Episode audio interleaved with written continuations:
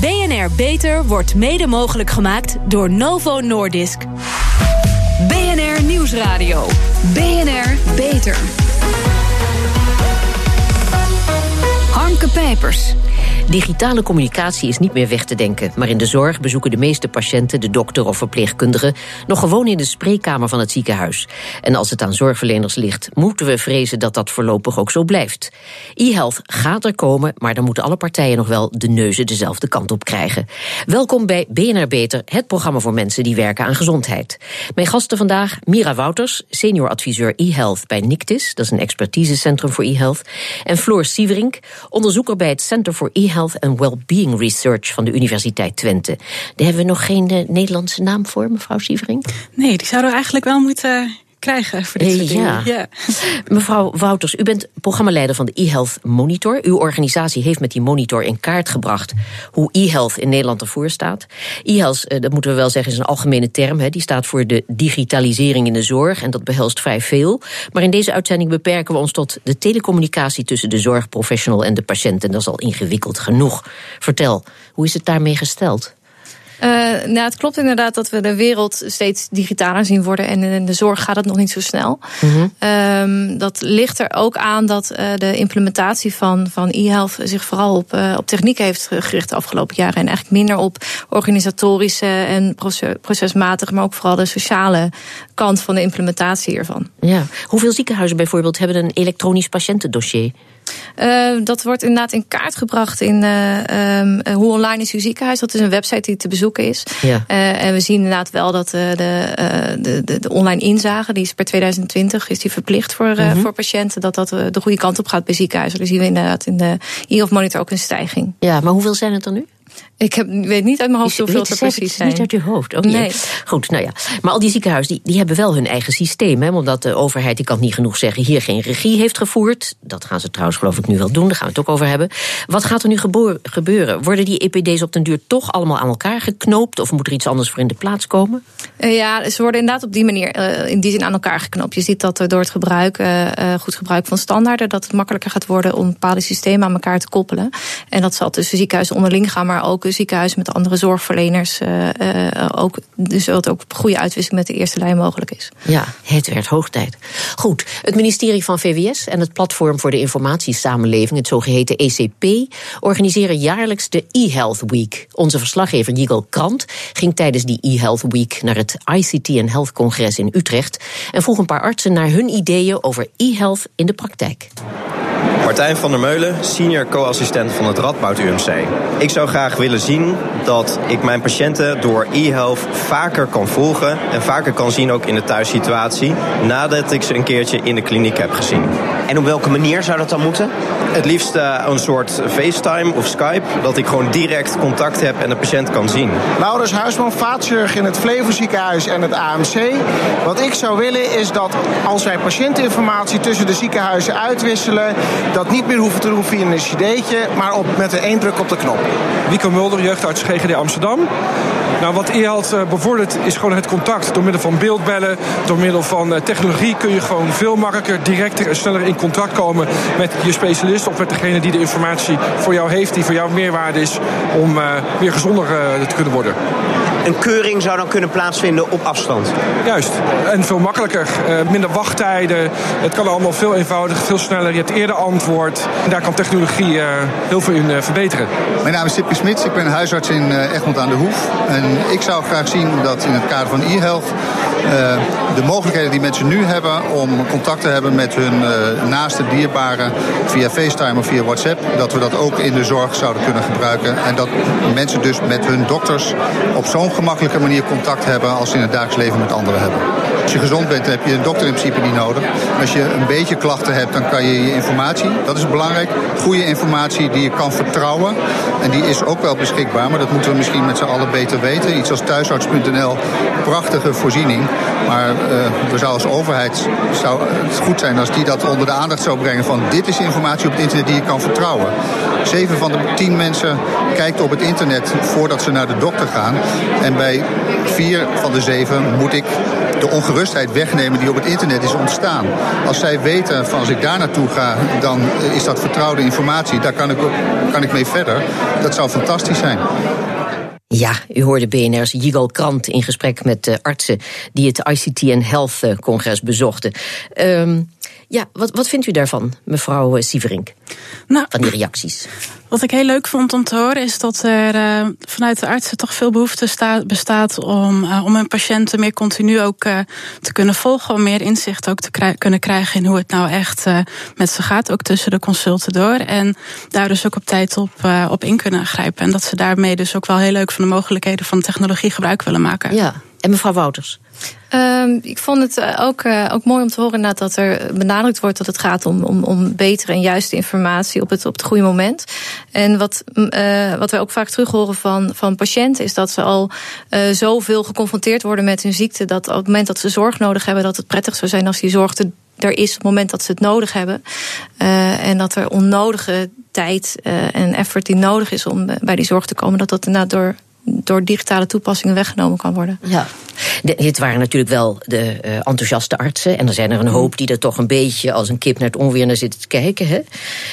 Uh, ja, uh, de techniek is er, ze zijn enthousiast. Dus ik zou zeggen, waar is het wachten op? Mevrouw Sieverink? Ja, wat wij uh, in mijn onderzoek zagen. Ik heb onderzoek gedaan naar de, de, implementatie en het gebruik van een patiëntenplatform voor mensen met chronische aandoeningen in de eerste en in de tweede lijn. En uh, ook daar zagen we onder interviews met zorgverleners dat zij wel graag zo'n portaal in zouden willen zetten. En dat zij daar ook echt wel de meerwaarde van uh, zien. Mm -hmm. Maar um, dat, zij, dat het soms heel lastig is om heel concrete verschillende functies die technologie biedt, om die concreet in de dagelijkse werkprocessen in te zetten. Ja. Zeg, en hoe zit het met de patiënten? Want we weten allemaal dat de meesten met de hulp van dokter Google redelijk beslagen ten ijs komen. Ja, kun je ook van alles van, van vinden. Maar uh, oké, okay, men doet zijn best. Maar dat desondanks heel veel patiënten, als het er al is, toch geen gebruik maken van dat EPD. Hoe komt dat toch? Ja, ja we zagen dat inderdaad ook terug in het, uh, in het onderzoek. Want we hebben ook logdata gebruikt, waarin we dus ook het daadwerkelijke gebruik van het platform. Uh, um, ja, in kaart brachten. En onze hypothese is, ook vanuit de bestaande literatuur, wat we al weten, is dat de zorgverlener een hele belangrijke rol speelt in het enthousiasmeren van de patiënt en in het motiveren. Het is toch een samenwerking. Ook de technologie is een hulpmiddel om de communicatie ook tussen de patiënt en de arts of de zorgverlener ook te verbeteren. Ja. Maar als de arts al niet heel goed weet hoe hij het moet gebruiken, vindt hij het soms ook moeilijk om de patiënt te motiveren en concreet te zeggen hoe hij wil dat iemand het gaat gebruiken. En um, ja, dat patiënten daardoor misschien ook minder de noodzaak zien, want de arts geeft hun daar ook geen duidelijke aanwijzingen ja. in.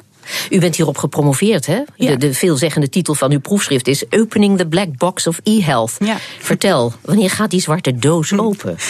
Um, nou, naar mijn idee gaat die zwarte doos pas open als, uh, en dat stipte Mira net ook al kort aan, als we ons in de evaluaties niet alleen gaan richten op hoe effectief de uh, technologie is voor de patiënt, maar dat we ook kijken naar het functioneren van de technologie in de grotere context. En Mhm. mm -hmm. daarmee bedoel ik dus het dagelijks leven van de patiënt, maar ook de zorgprocessen van de zorgverleners.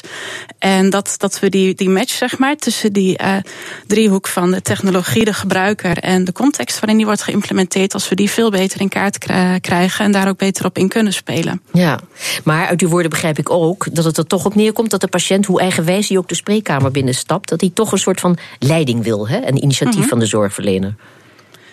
Ja, dat, dat bleek, uit het, uh, bleek, bleek uit het onderzoek wel. En natuurlijk Ja. is er ook een hele groep patiënten die wel mondig genoeg is om te zeggen van nou, dit wil ik en ik ga dit gebruiken. En uh, van de arts verlangt om daar rekening mee te houden. Maar er is ook een grote groep die dat nog niet, uh, die daar wel de zorgverlener voor nodig heeft. Ja, Ja. die dus wel uh, zit te googelen. Ja. Maar ondertussen, ja. Maar goed, er zijn ondertussen ook een heleboel mensen met wearables en er druk mee in de weer. Ja. En die denken ook, ja, wat moet ik met al die gegevens als die arts er niks mee doet? Ja. Of is dat nog niet een zo heel veel voorkomend probleem? Um, nou, Ja, dat, dat is wel een probleem eh, wat we vaak uh, zien. Bijvoorbeeld uh, de, de wearables die um, zijn niet vaak even betrouwbaar. Um, mm -hmm. Het het heel precies meten van gegevens. Waardoor uh, zorgverleners het vaak ook niet echt in mogen zetten ja. bij de behandeling. Maar uh, ze kunnen wel heel goed inzicht geven in bepaalde trends die zich voordoen. Van wanneer, uh, ja, hoeveel beweegt iemand en, en hoe zit het dan bijvoorbeeld met de, met de hartslag in relatie tot dat bewegen. Dus ze bieden zeker wel hele mooie mogelijkheden binnen ja. de behandeling. En mevrouw Wouters, ziet u wat in die wearables, want dat is enorm in opkomst. Ook omdat we veel meer dingen willen gaan meten dan de dokter in zijn spreekkamer kan doen.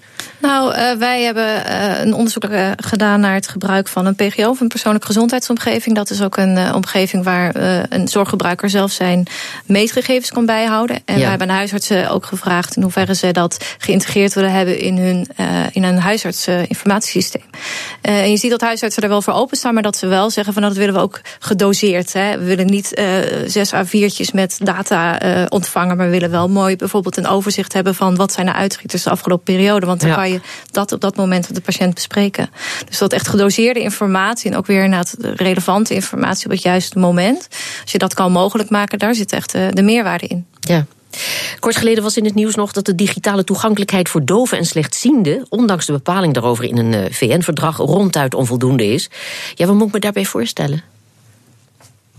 Um, dat, uh, dat gaat erover dat uh, natuurlijk de, de, de digitale informatie, dus toegankelijk via websites en, uh, en via portalen, dat dat leesbaar en interpreteerbaar moet zijn voor mensen die beperking hebben, dus een visuele beperking of gehoorbeperking. Dus een blinde die een, een muis moet bedienen, wat, precies, wat dus niet gaat. Nou, dat is het. En je ziet dus dat er, dat er veel gebruik moet worden gemaakt van een muis bij, bij veel van die portalen. En dat, dat heel veel mensen dat niet kunnen. Dus daar moet absoluut aan gewerkt gaan worden om dat beter toegankelijk te maken. Ja. Maar dat, dat zijn mensen, nou, mensen die, die gehoor- of gezichtsproblemen hebben, maar ook kleurenblinden. Ja. Um, dus het is nog best wel een grote groep mensen die daar, die daar moeite mee heeft. Ja, de, ja precies. Zeg, dit bericht heeft aardig wat reuring gegeven. Welke stappen worden er ondernomen? Is er paniek uitgebroken? Gebeurt er wat? Nou, de, de ziekenhuizen en de aanbieders, de zorgaanbieders, zijn natuurlijk de afgelopen jaren ook veel bezig geweest met technisch, technische implementatie van, van nieuwe toepassingen. Dus die zullen nu in dezelfde vaart gewoon hier extra aandacht gaan moeten besteden. En dat zit natuurlijk ook aan de leverancierszijde. Die moeten ook zorgen dat, dat die portalen en die websites goed toegankelijk worden gemaakt. Ja. Dus daar zullen ze nu absoluut mee aan de slag gaan. De digitalisering in de zorg staat gek genoeg nog in de kinderschoenen. Er zijn nog maar weinig zorginstellingen die gebruik maken van de slimme IT die er al is. Gaat de overheid over de brug helpen? Dat hoort u zo na de reclame. BNR Nieuwsradio. BNR Beter. Om e-health in de praktijk te brengen moet er nog heel veel gebeuren. Bijvoorbeeld de wildgroei aan health-appjes. Moet er een keurmerk komen? Daarover praat ik onder andere verder met Mira Wouters, senior adviseur e-health bij NICTIS, een expertisecentrum voor e-health. En Floor Sieverink, onderzoeker bij het Center for E-Health and Wellbeing Research van de Universiteit Twente. Maar eerst gaan we naar onze verslaggever Jigel Krant. We hoorden hem al even. Hij ging tijdens de e-health week de e-Health Week, dames en heren, ging hij ook in gesprek met Erik Gerritsen, secretaris-generaal van VWS. Nou, het, het, mooie van Nederland is dat, en dat zien we ook in deze e-Health Week, dat we hebben gewoon gezegd tegen Nederland: dit is de week van de e-Health Week. Wees trots op waar je al mee bezig bent. En dan komen er 255, niet ideeën, nee, concrete praktijken waar dit soort voorbeelden waar ik net gaf. En als je dat dan allemaal tot je neemt, ja, dan krijg je natuurlijk op een gegeven moment wel zoiets. Dat willen we aan voor alle Nederlanders. Want de voorbeelden zijn wel op die plek of die plek of die plek. En het enige wat we eigenlijk vanuit het ministerie doen, is die positieve energie een kontje geven. En ook zeggen tegen die initiatieven, als je nog ergens tegenaan loopt, als er bijvoorbeeld een bekostigingsregel moet worden aangepast, meld je met het concrete voorbeeld. En dan helpen wij als VWS om dat soort barrières weg te nemen. Met financiële steun ook? Nou, niet, ja, er, ook. We hebben deze week uh, een uh, seed capital regeling samen met uh, het ministerie van de EZ bekendgemaakt van 12 miljoen. Daar kunnen de zorgstartups die graag willen opschalen, kunnen daar hun geld halen. Dat is een voorbeeld. Er zijn een aantal subsidieregelingen. Maar het belangrijkste is eigenlijk dat wij kunnen helpen om partijen bij elkaar te brengen. Alleen zorg en digitalisering is in het verleden niet bepaald een gelukkig huwelijk geweest. Ik denk aan het elektronisch patiëntendossier. Waarom zou de zorg nu wel openstaan voor e-health? Nou, gemakkelijk gaat het natuurlijk niet, want er was het al lang gebeurd. Maar ik geloof dat het goed gaat omdat we bijvoorbeeld uh, in vergelijking met het EPD, het elektronisch patiëntendossier, nu hebben gekozen voor een met mij filosofie. Waarin we de patiënten de baas maken over hun eigen gegevens en daarmee ook voor een groot deel het privacyprobleem hebben opgelost. Dat we veel meer dan uh, vroeger beginnen bij de patiënten. Dus we doen het met de mensen vanaf het allereerste begin. Dus dan weten we ook dat er prijzen wordt gesteld. En uiteraard in goed overleg met de professionals die er gebruik van moeten maken. En gewoon die energie helpen ontketenen. Is het gevaar nu niet dat er talloze ideeën zijn en dat die allemaal naast elkaar gaan bestaan en dat dat niet effectief gaat zijn? Ja, dat risico is er zeker. Er is ook een hele hoop rotzooi in deze markt. En uh, vaak is het ook ingewikkeld om daarin de weg te vinden van welke toepassingen zijn echt goed en bewezen effectief. En verstandig om te gebruiken en welke niet. En daar hebben we bijvoorbeeld de GGD in, in Nederland. Hebben daar een app store voor gemaakt. Zodat mensen weten als ik die apps gebruik, dan is het veilig en goed. Droomt u eens hardop.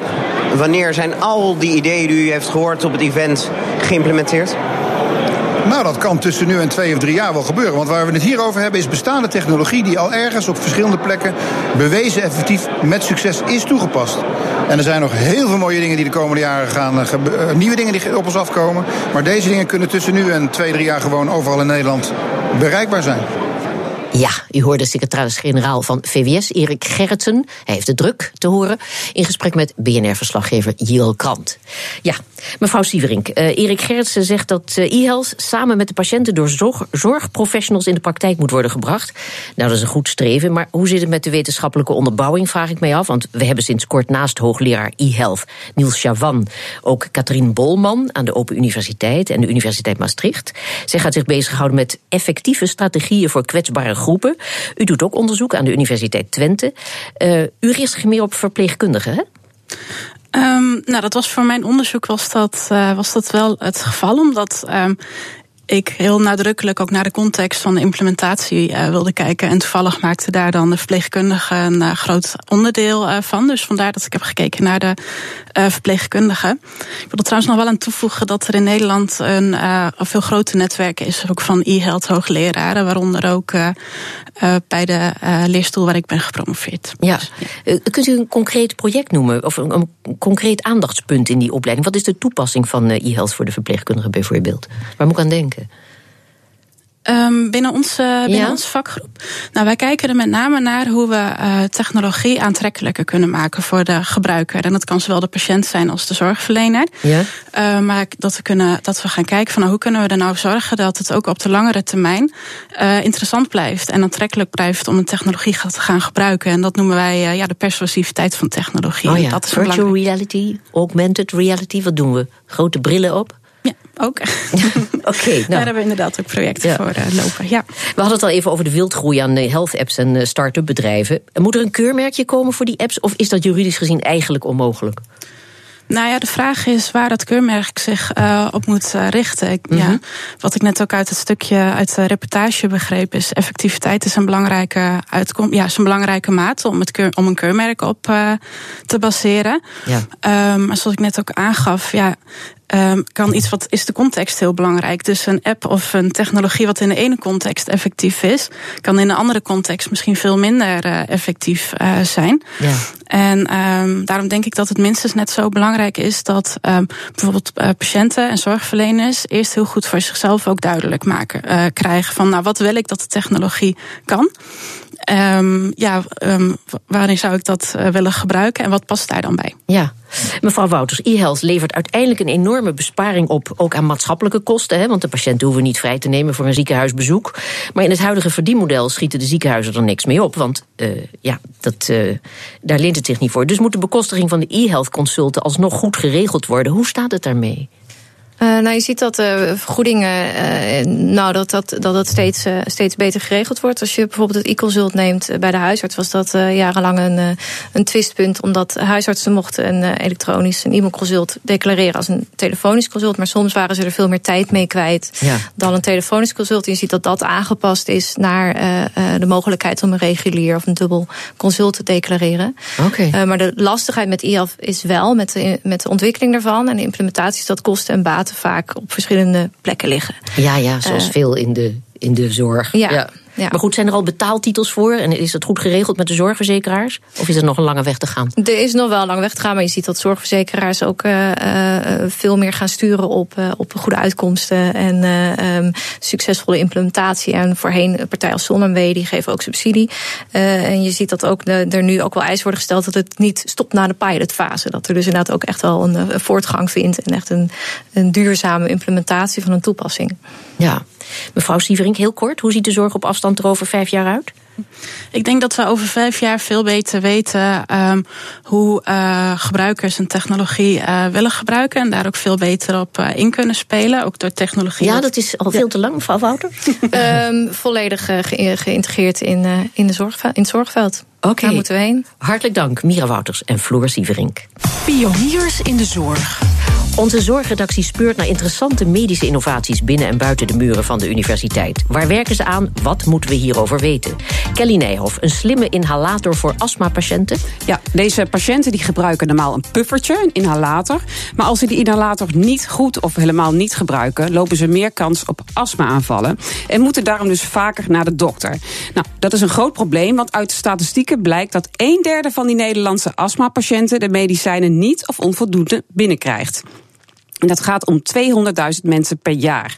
Onderzoekers willen nu door middel van e-health meer inzicht krijgen in medicijngebruik bij die astmapatiënten. En daarom hebben ze nu dus zo'n slimme inhalator. Ja, maar, maar hoe werkt die slimme inhalator dan precies? Waarom is die zo slim? Nou, het is eigenlijk een heel simpel concept. Het apparaatje registreert hoeveel medicijnen zij innemen. En dit wordt weer bijgehouden via een app.